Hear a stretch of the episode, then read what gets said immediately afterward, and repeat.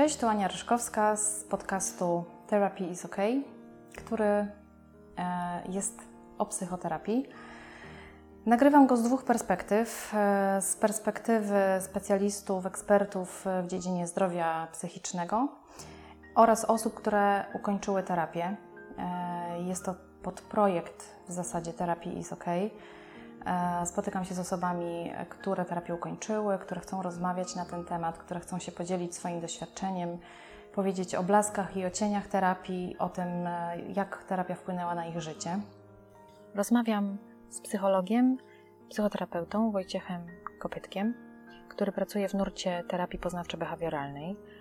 Pomaga jednostkom, ale też pomaga firmom, korporacjom w zakresie komfortu psychicznego pracowników, po to, aby podnosić wydajność ich pracy i, i zadowolenie i satysfakcję.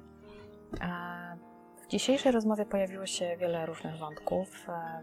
Wybrałam dwa. Zapytałam pana Wojciecha o to, czym jest interwencja kryzysowa i jak również czym jest syndrom wypalenia zawodowego, jak on się przedstawia i kiedy osoba powinna zgłosić się do psychoterapeuty.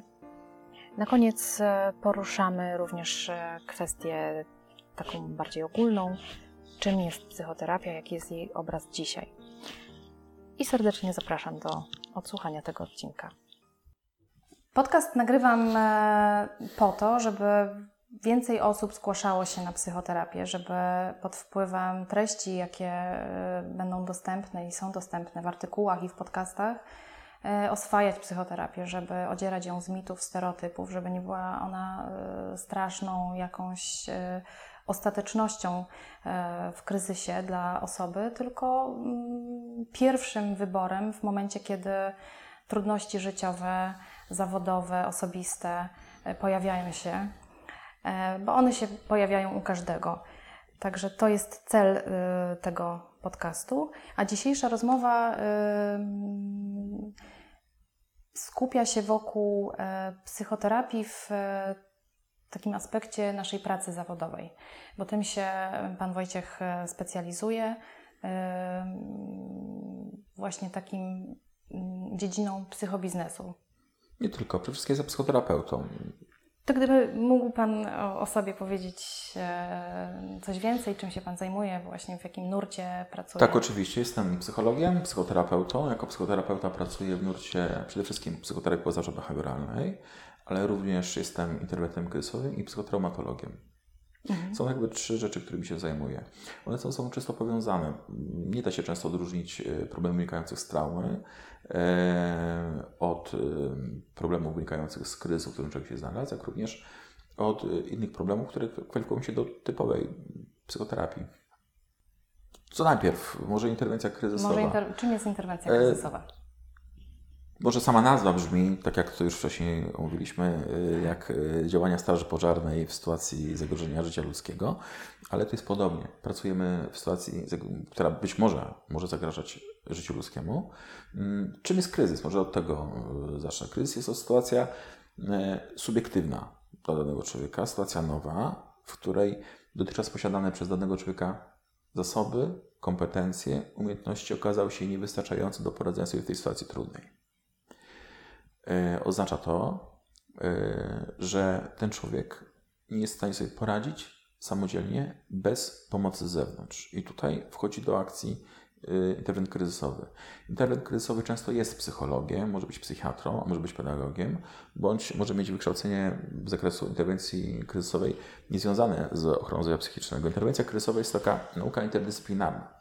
Ona łączy w sobie wiele jakby umiejętności, wiele, wiele cech. E, skupiamy się przede wszystkim na wyeliminowaniu czynników powodujących, że dany człowiek, dana osoba, on, ona jest w sytuacji trudnej. Sytuacją trudną może być śmierć osoby bliskiej, wtedy skupiamy się na emocjach. Sytuacją trudną może być utrata pracy, zmiana pracy.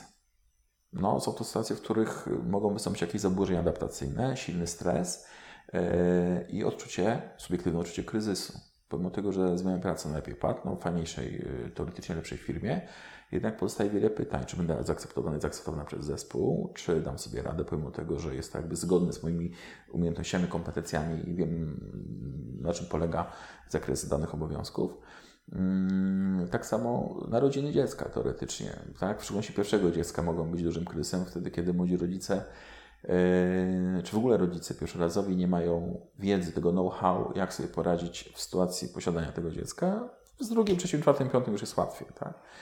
E, kiedyś, kiedy rodziny nie były zatomizowane, od tej pomocy było starsze rodzeństwo, rodzice, dziadkowie, ciocie, wujkowie. Dzisiaj często żyjemy w zatomizowanych rodzinach, gdzie nie ma tej pomocy. I tutaj może przejawi się to w postaci kryzysu, przełoży się na relacje między partnerami, między małżonkami, tak? gdzie oni już nie są sami dla siebie, jednak jest to dziecko, które w gigantyczny sposób wpływa na styl relacji, charakter tych relacji, podział obowiązków, kompetencji, E, nowych obciążeń, które wynikają, tak, nieprzespanych nocy i tak dalej. No nie? Czegoś takiego wcześniej nie było, nagle jest dziecko i to się pojawia. I tutaj, że tak powiem, wychodzi e, to, jak ktoś się spełnia w roli matki, w roli ojca, czy się w ogóle nadaje do tej roli? Bardzo często sobie trzeba odpowiedzieć na to pytanie. Mhm. A jeżeli tak, to w jakim zakresie? I gdzie są te braki, które można naprawić? Tak samo jest w sytuacjach innych kryzysów.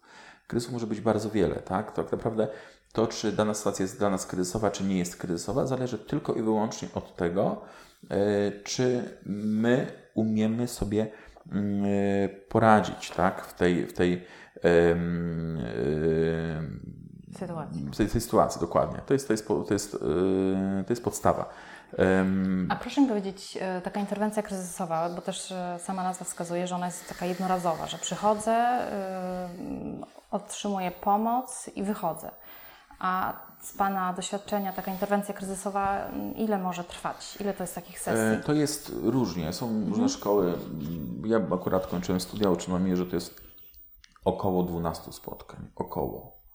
Niektórzy mówią, że sesja interwencji kryzysowej powinna trwać 50 minut, czyli tyle co standardowa sesja psychoterapii. Inni twierdzą, że powinna trwać powiedzmy półtorej godziny. Tak? E, są szkoły mówiące, że ona powinna trwać około 20 spotkań, ale prawda jest taka, że ona niekoniecznie musi zakończyć na tych 12 mm, spotkaniach, może trwać 18, tak? Mhm. I już dalej nie będzie sensu ciągnąć do tych 20. Interwent kryzysowy ma taką rolę jakby mentora człowieka, który przeżywa kryzys. Ma pomóc mu na, na tym początkowym etapie życia w nowych warunkach e, dostosować się do tej rzeczywistości w jaki sposób pomóc zorganizować tą rzeczywistość, też pod kątem prawnym, pomóc mu uzgodniać się z prawnikiem, y, jeżeli jest na przykład rozwód, bądź y, ktoś zginął, jest sprawa spadkowa, ten człowiek jest w sytuacji ciężkiej, obciążającego psychicznie. I tutaj jakby wyręczamy tą osobę, służąc tak naprawdę ku dobru tej osoby, no nie? bądź tych osób, które przeżywają tą trudną dla nich sytuację. Sytuacją kryzysową może być też y, trudność podejmowania sytuacji w biznesie. Bardzo wielu y, menadżerów, dyrektorów, prezesów czy też CEO ma mm, dosyć duży kryzys przy podejmowaniu trudnych decyzji, kupna firmy, sprzedaży firmy, rozwoju firmy. Tam też wchodzą elementy coachingu, ale też interwencje kryzysowe. Oczywiście wszystkie decyzje oni muszą sami podjąć, jeżeli chodzi. Natomiast y, o, mechanizm podejmujący. Natomiast mm, my możemy pomóc im jakby przebrnąć przez ich trudne emocje. I tutaj jest rola e, mentora, interwencja kryzysowego w takich przypadkach. E, interwencja kryzysowa e, jest bardzo ważna. Z jakiego powodu? Osoba, która ma kryzys, nie będzie miała udzielonej fachowej pomocy, skutecznej pomocy psychologicznej, psychoterapeutycznej, interwencji kryzysowej, mm, jeżeli pomożemy tej osobie wyjść z tej trudnej sytuacji, to może rodzić różnego rodzaju trudne następstwa w postaci depresji, w postaci zaburzeń lękowych, w postaci e, trudności adaptacyjnych. Jeżeli chcemy uniknąć dalszych konsekwencji zdrowia psychicznego, ale też fizycznego e, w życiu takiego człowieka, to musimy mm, pomóc na tym trudnym etapie. W Polsce jeszcze nie ma takiej dosyć profesjonalnej interwencji kryzysowej, pomimo że są szkoły, na przykład Uniwersytet z UPS, tak, czy inne uczelnie. Ja kończyłem z UPS, także mogę śmiało mówić o tej uczelni, to jest moja alma mater, tak. Kończyłem interwencję kryzysową też podyplomową. To daje świetny zasób wiedzy. Natomiast mm, ludzie w Polsce jeszcze boją się korzystać z takiej pomocy. To jest tak naprawdę na szkodę ich samych. Ale do tego jakby nawiążę troszeczkę później, dobrze? Tak, ja tylko chciałam powiedzieć, że to bardzo jest ciekawe, co, co Pan właśnie powiedział, bo wyobrażam sobie, że, myśl, że takim, takim powodem niepodejmowania tej interwencji kryzysowej jest po prostu brak wiedzy, że ja to mogę zrobić. Tak, choćby w mojej sytuacji, w jakiej można sięgnąć po interwencję kryzysową, śmieć osoby bliskiej.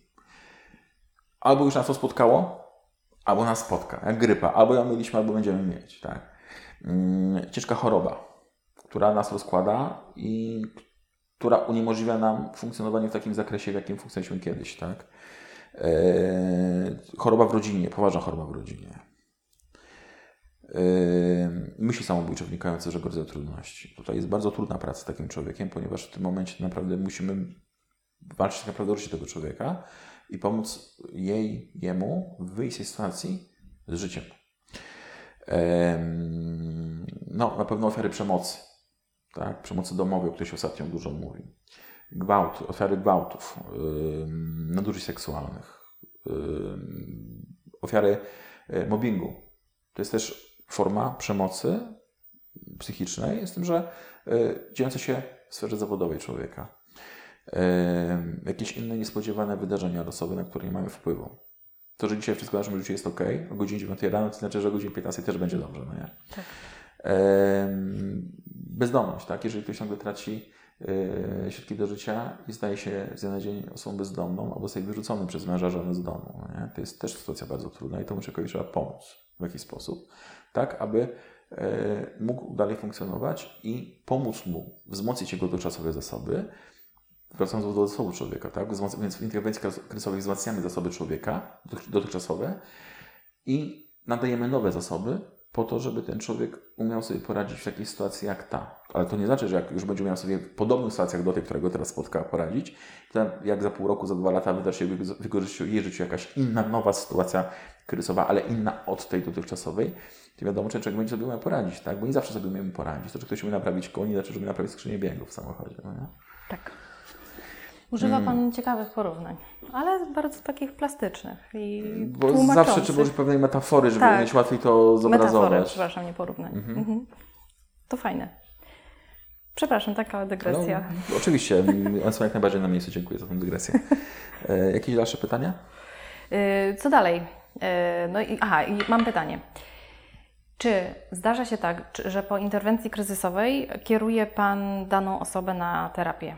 Już taką bardziej zaawansowaną, czy to indywidualną, czy grupową na przykład? Tak, jeżeli na przykład jest jakiś konflikt w małżeństwie, w związku nieformalnym, konflikt w rodzinie, to jeżeli nie naprawimy relacji w tej rodzinie, to ja porównam ym, tej sytuacji do umycia naczynia. Robimy imprezę, jest koniec imprezy, trzeba posprzątać mieszkanie, w zlewie jest totalny bałagan, tak? Myjemy talerz. Normalnie myjemy go, opłukujemy, wsadzamy na suszarkę. I to jest jakby prawidłowy tok interwencji kryzysowej. Trzeba oczyścić tego człowieka z tej sytuacji, w której się znalazł i pomóc mu jakby dalej funkcjonować. Natomiast jeżeli nie naprawimy tej rodziny, to zamiast tego wstawienia tego także na suszarkę wstawimy go z powrotem do tego zlewu, z tym całym brudem, który tam jest. Tak? I teraz, ok, dajemy człowiekowi nowe umiejętności, nowe kompetencje, radząc sobie w sytuacjach trudnych. Ale to byłoby bez sensu, bo ten człowiek wróciłby z powrotem do toksycznego środowiska. I trzeba to środowisko naprawić. Bo gdzieś ci ludzie w tej prozie życia się pogubili, zamiast się kochać, są dla siebie niemalże wrogami albo już wrogami, przestali się szanować, przestali się obdarzać miłością, wszystko spowszedniało i na zasadzie nawyków, a więc behawioru, stosują niezbyt miłe rozwiązania, o których nawet nie wiedzą, że one są niewłaściwe, że one są, są przemocowe.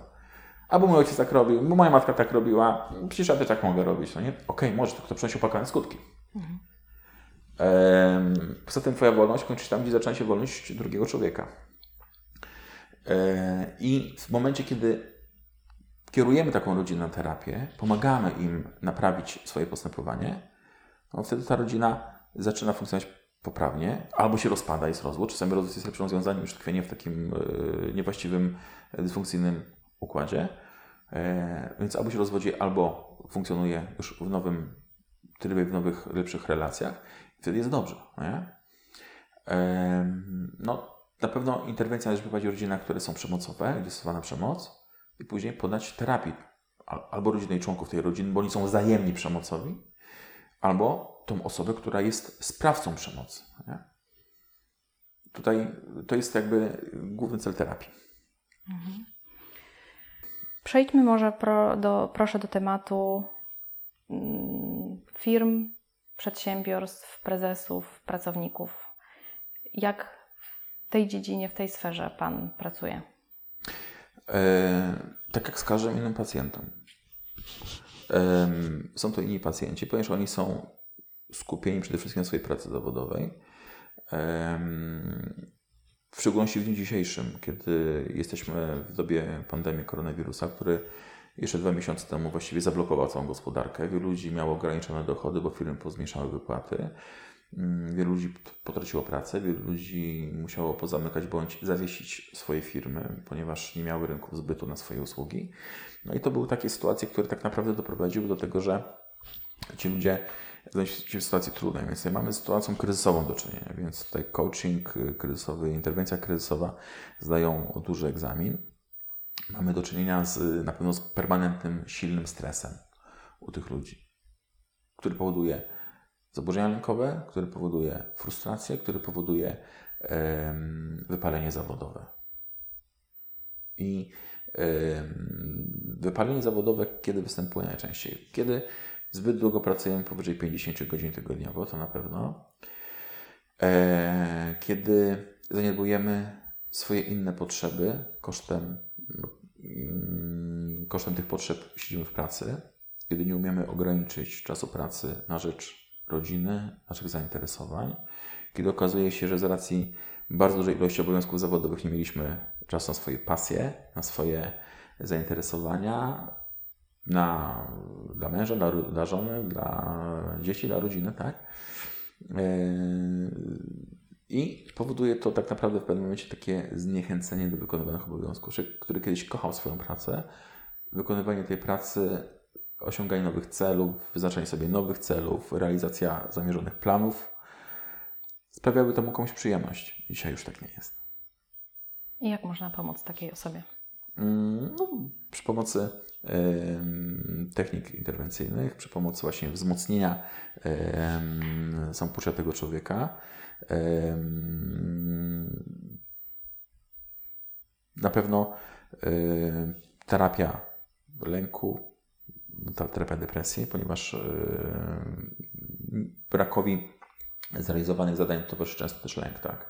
Jeżeli nie zrealizuję tego, co mam zrobić, a już nie chcę tego realizować, bo praca sprawia, że się tam źle czuję, to jeżeli tego nie zrobię, to tracę, tracę pracę.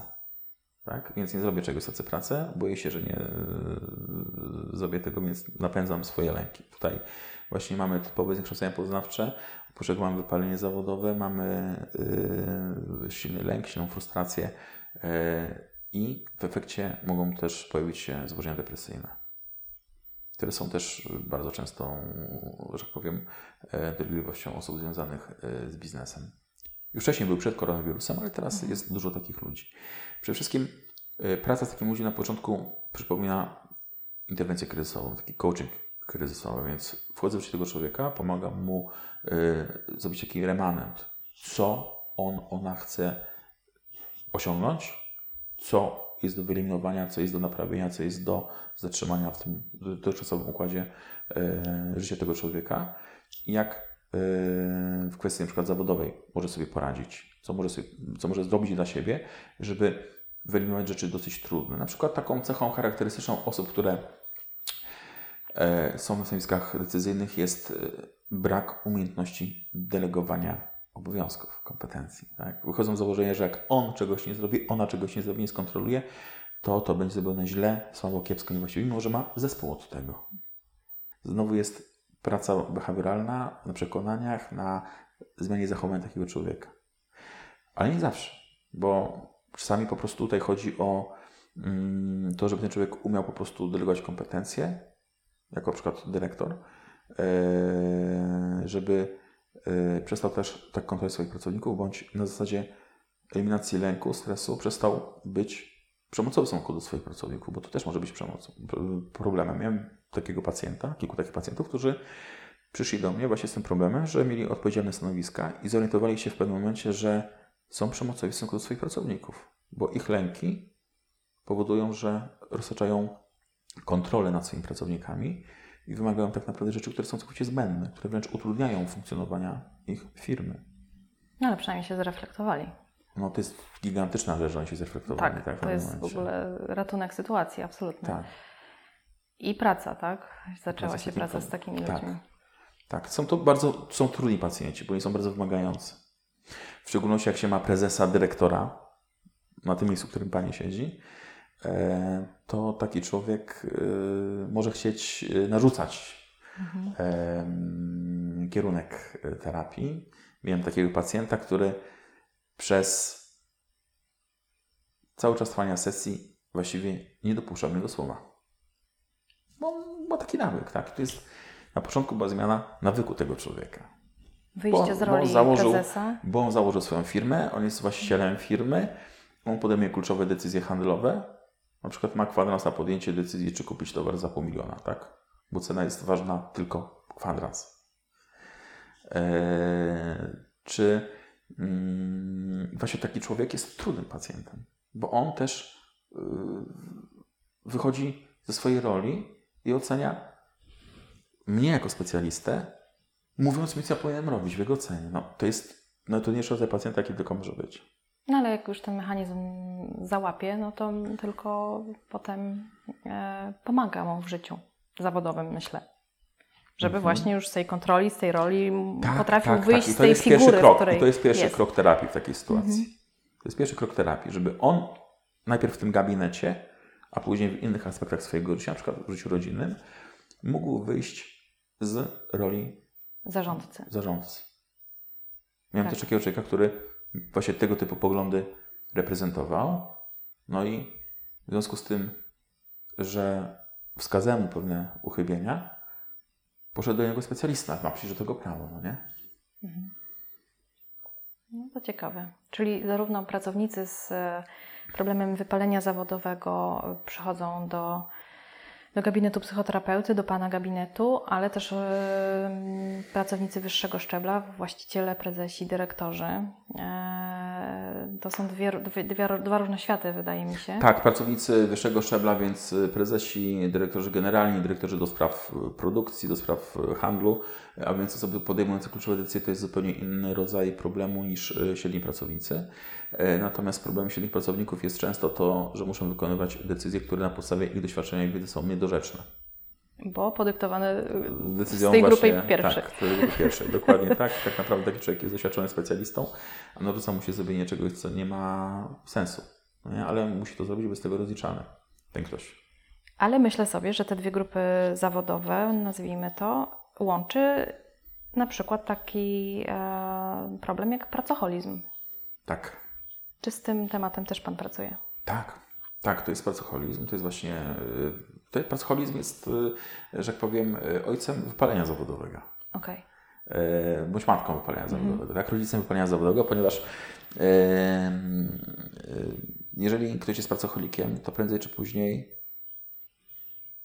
musi nasobić zmęczenie materiału.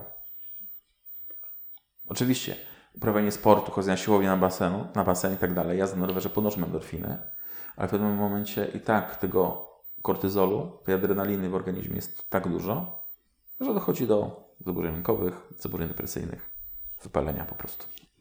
To musi nastąpić. Yy, I tu jest bardzo ważny ten work-life balance, tak? Więc ta równowaga pomiędzy życiem zawodowym to jest bardzo ważne i może być pasjonujące, ale też nudne i beznadziejne, w zależności od tego, co robimy, czy lubimy to, co robimy, czy kochamy i czy robimy coś zgodnego z naszym wykształceniem, zainteresowaniami, yy, a życiem prywatnym, tak? Bardzo często ci pracocholicy e, mają smutną sytuację rodzinną. Bo jeżeli ktoś siedzi 14 godzin w firmie, a mógłby sie- siedzieć de facto 5 albo 6, e, nawet nie 8, e, to w pewnym momencie to małżeństwo czy ten związek jest tylko takim nawykiem, gdzieś tam wspomnieniem tego, co było kiedyś, atrapą. No? I wracamy do atrapa. Kiedy tracimy pracę, się okazuje, że nasza żona ma kochanka, albo mąż ma kochankę, gdzie małżeństwo nie umie sobą rozmawiać. Ono było fajne, dopóki siedział w robocie. Boże, to on zobacz, poszedł do psychologa, tak, no my się uśmiechamy, ale to jest w zasadzie tragiczne i takie rzeczy się dzieją i też w moim otoczeniu takie rzeczy się dzieją, więc to są rzeczywiście przykłady z, z życia wzięte, że tą pracą sobie coś zagłuszamy, coś próbujemy udowodnić, e, doskoczyć. E, życie mija i nie wiemy nawet kiedy, a popadamy właśnie już w formę nałogową, tak? Tej pracy, Dokładnie która tak. nas wyniszcza i E, i stajemy się w pewnym momencie bezradni, tak? I nawet odpoczynek już nie jest odpoczynkiem dla nas, bo odbiera nam tą, e, ten bodziec, ten bodziec którym jest praca. Od którego jesteśmy uzależnieni. Pracuje Pan też z firmami, z korporacjami. I pytanie, czy właśnie liderzy organizacji są świadomi tego typu zjawisk? E, czy sięgają, czy potrafią sięgnąć po pomoc specjalisty z zewnątrz i powiedzieć, przyznać się właśnie, słuchaj, no, albo sobie nie radzę z zarządzaniem zespołem, albo widzę, że mój zespół e, przechodzi jakiś kryzys, potrzebuję pomocy, bo już e, sam sobie nie poradzę. Czy takie zjawiska się w ogóle dzieją? Tak, tak. I powiem szczerze, że to jest taka interwencja właśnie pracy zespołowej w firmie. Mm, to jest coś, co pomaga jakby wskazać E, problemy w zarządzaniu firmą, problemy w decyzjach, postawienie na niewłaściwych stanowiskach, tym, że ktoś jest niedowartościowany, ktoś z tych pracowników um, czuje się pominięty drodze awansu, to działa demotywująco, czy też inny um, problem w takich sytuacjach to jest niewłaściwe zarządzanie. W jaki sposób pracuje Pan z zespołem pracowników? Hmm Przede wszystkim pojawiam się w firmie, tak? Obserwuję tych ludzi, e, rozmawiam z nimi. Każda z tych rozmów jest objęta są zawodową, także o treści rozmowy nikt się nie dowiaduje, ponieważ jest to jako praca psychoterapeutyczna traktowane i pracownik jest informowany, jest zawierany kontrakt z takim pracownikiem, także ta osoba czuje się bezpiecznie. Jej uwagi bądź jego uwagi będą anonimowe, nie, nie będzie powiedziane, że będą pozbawione takich cech, które mogłyby wskazać to, że na przykład pan Jacek coś powiedział, czy pani Dorota coś powiedziała. Nie, nie, nie. To będzie uwagach ogólnych, później jakim takim feedbacku zwrotem do, do zarządu, no i później yy, praca też z osobami decyzyjnymi, tak? Tutaj wypracowanie pewnych wspólnych yy, rozwiązań, które mogłyby być skuteczne dla firmy. Yy, w tym przypadku to nie ma sensu. Tutaj też to wymaga pewnego robienia kroków w tył od decyzyjnych, żeby zobaczyć, czy Y, to, co robimy, jest skuteczne, ponieważ biznes to ludzie. Naszą firmę tworzą ludzie. Jeżeli nie traktujemy tych ludzi dobrze, to yy, nie oszukujmy się, ale nasza firma nie będzie pracowała w sposób dobry, skuteczny, tak? Bo osoby doświadczone odejdą, pójdą do konkurencji, zostaną mniej doświadczone, które chcą sobie po prostu robić doświadczenie i tak pójdą do konkurencji. Przed e, nagraniem rozmawialiśmy i wspominał Pan o mm, cofając się jeszcze do interwencji kryzysowej, właśnie w firmie, mm, w przypadku, kiedy nastąpiła śmierć pracownika. Tak, współpracowałem z yy, taką korporacją handlową, nie chcę jej nazwy tutaj wymieniać. Yy, zresztą wolałbym zachować yy, w tajemnicy, ponieważ nie wiem, czy ta firma sobie to życzyła. Jasne. Duża firma handlująca odzieżą, znana marka odzieżowa, której pracownik zginął śmiercią tragiczną i był bardzo cenionym człowiekiem przez swój zespół E, no i pracowałem po prostu interwencyjnie, interwencja kryzysowa e, też e, przez jakiś czas z tymi ludźmi na skutek tego, co się wydarzyło. Firma na wysokości zadania zapewniła naprawdę świetne wsparcie dla, swoich, dla swojego zespołu. Tym bardziej, że to był jeden z lepszych pod kątem zysków sklepów w Polsce. No i, że tak powiem, ta sytuacja też z punktu widzenia e, zysków firmy była dosyć trudna, ponieważ zespół przestał być skuteczny. Ich jakość pracy spadła. No, to, nie, to nie było dziwne, to było naturalne, bo to, że oni byli w żałobie wszyscy, bo to była osoba bardzo ceniona przez nich, to, że byli zranieni, skoncentrowani na tej sytuacji, a nie swojej pracy, w tej trudnej sytuacji było czymś naturalnym. To jest właśnie jeszcze jedna rzecz w kryzysu to, że my reagujemy w sposób lękowy, w sposób bardzo emocjonalny na sytuację nas trudną, jest naturalną reakcją naszego organizmu, naszej psychiki. to czują się źle, to, że mogą być też rodzenia psychosomatyczne w postaci podwyższonego ciśnienia, palpitacji, problemów żołądkowo-jelitowych, e, to jest coś całkowicie naturalnego. I w tej sytuacji Pan pomógł um, załagodzić tą taką tak. destabilizację tak, emocjonalną tak, zespołu. Tak. Się zastanawiam, jak przebiega taki proces właśnie, nie wiem, czy siedzi dział HR, nie wiem. Najpierw, może... najpierw zrobiłem mm, taki wykład na temat tego, czym jest trauma, czym jest mhm. kryzys, jak, jest, jak człowiek funkcjonuje w takich rzeczach. E, to było, to był taki, taki wykład półtora godziny. E, później była luźna rozmowa w grupie, a później były spotkania czysto indywidualne z tymi ludźmi, gdzie była zapewniona intymność. Tak jak w tej chwili to rozmawiam w moim gabinecie, że nie było w tym gabinecie, bo to w innym miejscu, zapewnionym przez firmę, bardzo komfortowym. Czyli poza miejscem pracy. Poza miejscem pracy, mhm. tak, poza miejscem pracy, ale w nieruchomości należącym do firmy. E, tylko, że firma jest bardzo bogata, także miała swoje mhm. nieruchomości. Nie w tym miejscu, gdzie oni pracują, tylko w innym miejscu należącym do firmy były zapewnione bardzo konkretne warunki, bardzo komfortowe warunki pracy. Ciekawa jestem i dobrze byłoby, żeby firmy miały takie procedury właśnie, że jeżeli się coś dzieje nieoczekiwanego. Innym razem pracowałem z, z pracownikami innej firmy, którzy zajmują się banowaniem pewnych treści w internecie. Yy, I mm, z racji tego, że są narażeni na oglądanie bardzo nieciekawych treści, też są obciążeni psychicznie i też firma zapłaciła za takie konsultacje psychologiczne ze mną.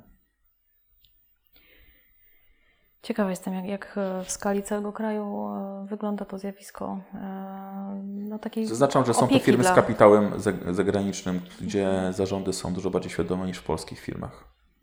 No właśnie. Niestety w polskich firmach e, jest częściej używana mm, metoda kija niż marchewki.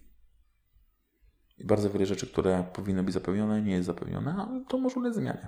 Tak, ale to jest krótkowzroczność. Tak. To jest to, co powiedziałem wcześniej, że firma to ludzie. Jeżeli nie dbamy o swój zespół, nasz zespół nie zadba o nas. Jak Pan, już jakby ten temat y, niejako zajawił Pan w tym momencie, ale jak Pan e, postrzega psychoterapię y, w naszym kraju, w Polsce, tak ogółem? Jak ona się kształtuje dzisiaj? Na pewno nie jest to tak otwarty temat, jak jest w krajach Europy Zachodniej. E, szkoda, bo na tym tracą ludzie, którzy potrzebują skorzystać z pomocy psychologicznej, psychoterapeutycznej czy psychiatrycznej. E, istnieją pewne krzywdzące przekonania, stereotypy, mówiące, cytuję, że do psychologa, psychiatry idą wariaci, czubki, jacyś tam nieudacznicy. No nie? Tutaj to, co sam od moich pacjentów, a zresztą była reakcja ich rodziny, przyjaciół na wieść, że ktoś tam korzysta z pomocy psychologa, psychoterapeuty bądź psychiatry. Bardzo wielu pacjentów musi korzystać też z utorowej pomocy psychiatrycznej i psychologicznej, ponieważ w ich zaburzeniach wskazana jest farmakoterapia, którą przypisuje psychiatra i psychoterapia, którą stosuje psychoterapeuta. Często też psychiatrzy są psychoterapeutami, oczywiście, jest to super sprawa, ale bardzo często ja współpracuję z psychiatrami, którzy prowadzą pod kątem farmaceutycznym, farmakologicznym pacjenta, natomiast ja mm, prowadzę tutaj pod kątem psychoterapeutycznym.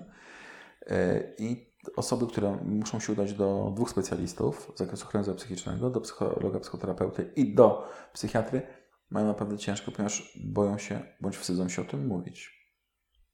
To jest przykre. To jest bardzo przykre, no ale prawdziwe. E, powoli ten mit upada. Szkoda, że powoli. Dobrze upada, ale szkoda, że powoli. E, jest coraz więcej otwartych ludzi. Coraz więcej rodziców przyprowadza swoje dzieci z problemami tutaj do mnie do gabinetu. E, coraz więcej ludzi jest otwartych na współpracę. Coraz więcej ludzi chce pracować online.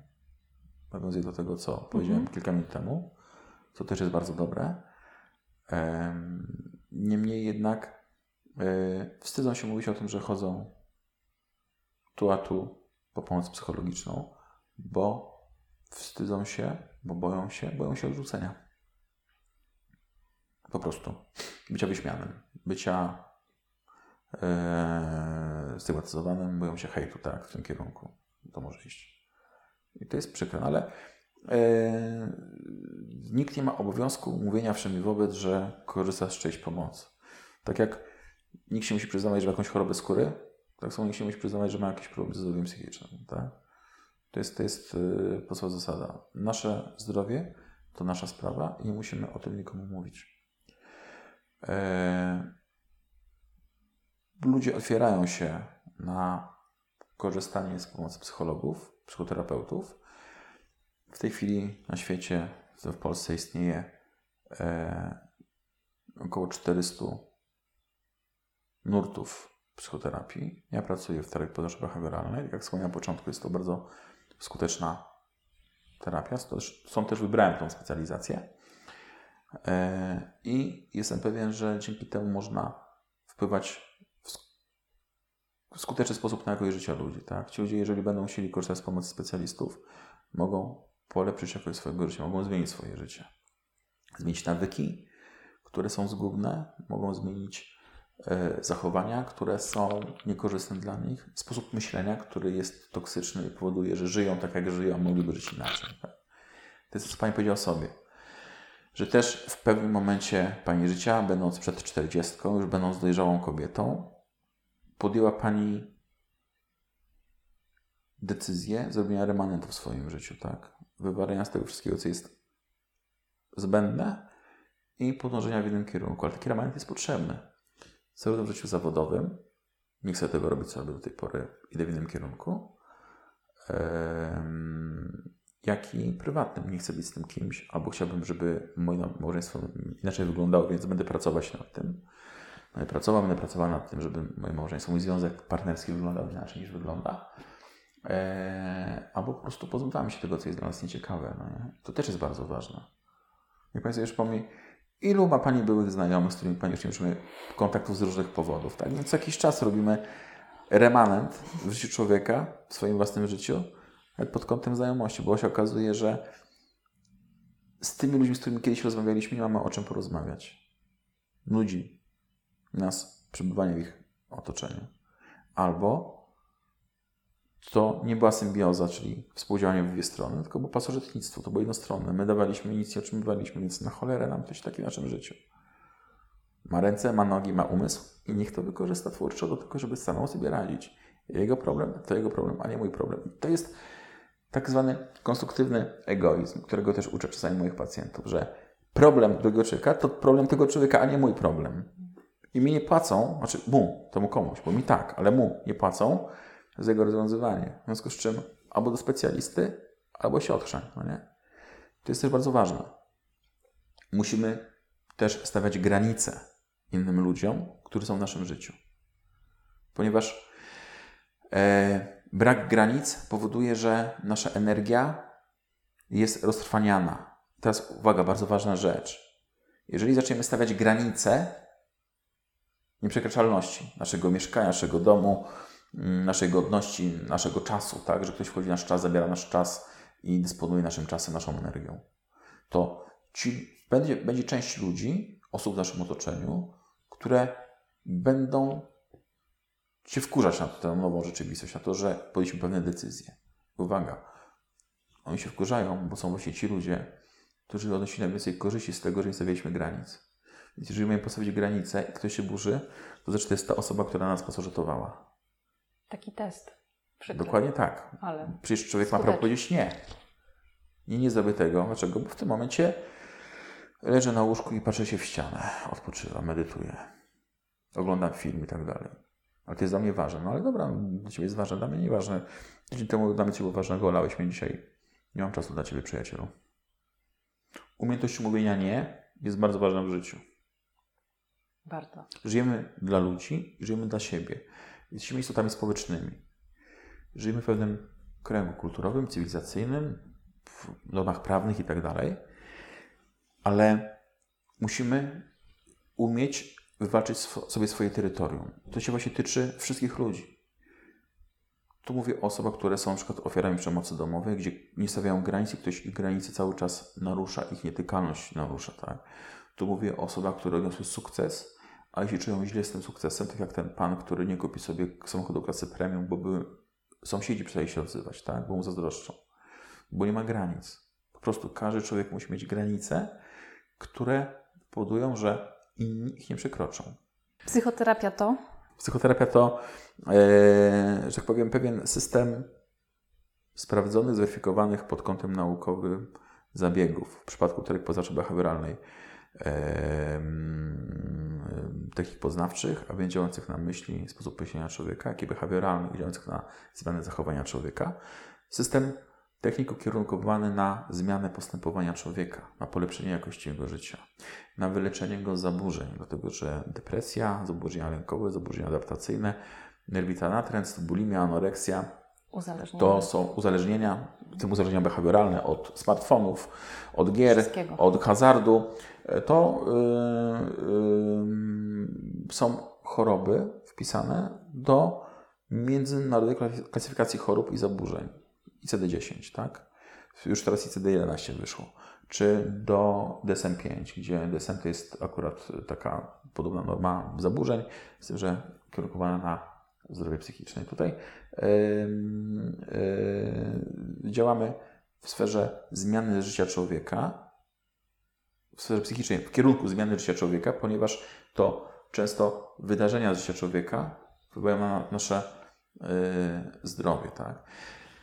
Na przykład depresja czy zaburzenia lękowe mają dwa rodzaje przyczyn, dwie grupy przyczyn wewnętrzne i zewnętrzne. Wewnętrzne są np. zaburzenia neurologiczne, uszkodzenia mózgu po jakichś urazów, uszkodzeń w wyniku wypadków, zażywania substancji psychoaktywnych, alkoholu w dużej mierze, yy, narkotyków, dopalaczy itd. Tak yy, I tutaj głównie farmakoterapia się zda, tak? w tym przypadku, ponieważ mamy uszkodzenie mózgu jako narządu i psychoterapia tak naprawdę niewiele pomoże. Natomiast w przypadku depresji zaburzeń powstałych w wyniku doświadczeń człowieka, a więc te doświadczenia zewnętrzne, te przyczyny zewnętrzne, egzogenne, e, tu psychoterapia jest jak najbardziej pomocna. Czy terapia jest ok? Terapia jest jak najbardziej ok. Każda droga, która może pomóc człowiekowi zmienić jego życie na lepsze, a też życie innych ludzi w jego otoczeniu na lepsze, bo to jest naczyń połączonych, jest ok. Jak najbardziej. Jeżeli mamy możliwość bycia szczęśliwymi i zrobienia czegoś dla siebie wartościowego, to zróbmy to. Przestańmy siedzieć w miejscu, bo to siedzenie w miejscu spowoduje, że będziemy tak naprawdę nieszczęśliwi. Nasza strefa komfortu jest tak naprawdę bardzo często naszym więzieniem. I się okazuje, że jak wychodzimy z tej strefy komfortu i zmienimy nasze położenie, to już nie chcemy tam wracać. I to jest właśnie bezcenny psychoterapii, że ona zmienia nasze życie na lepsze. Dziękuję za rozmowę. Ja również dziękuję za zaproszenie do rozmowy i dziękuję za przybycie.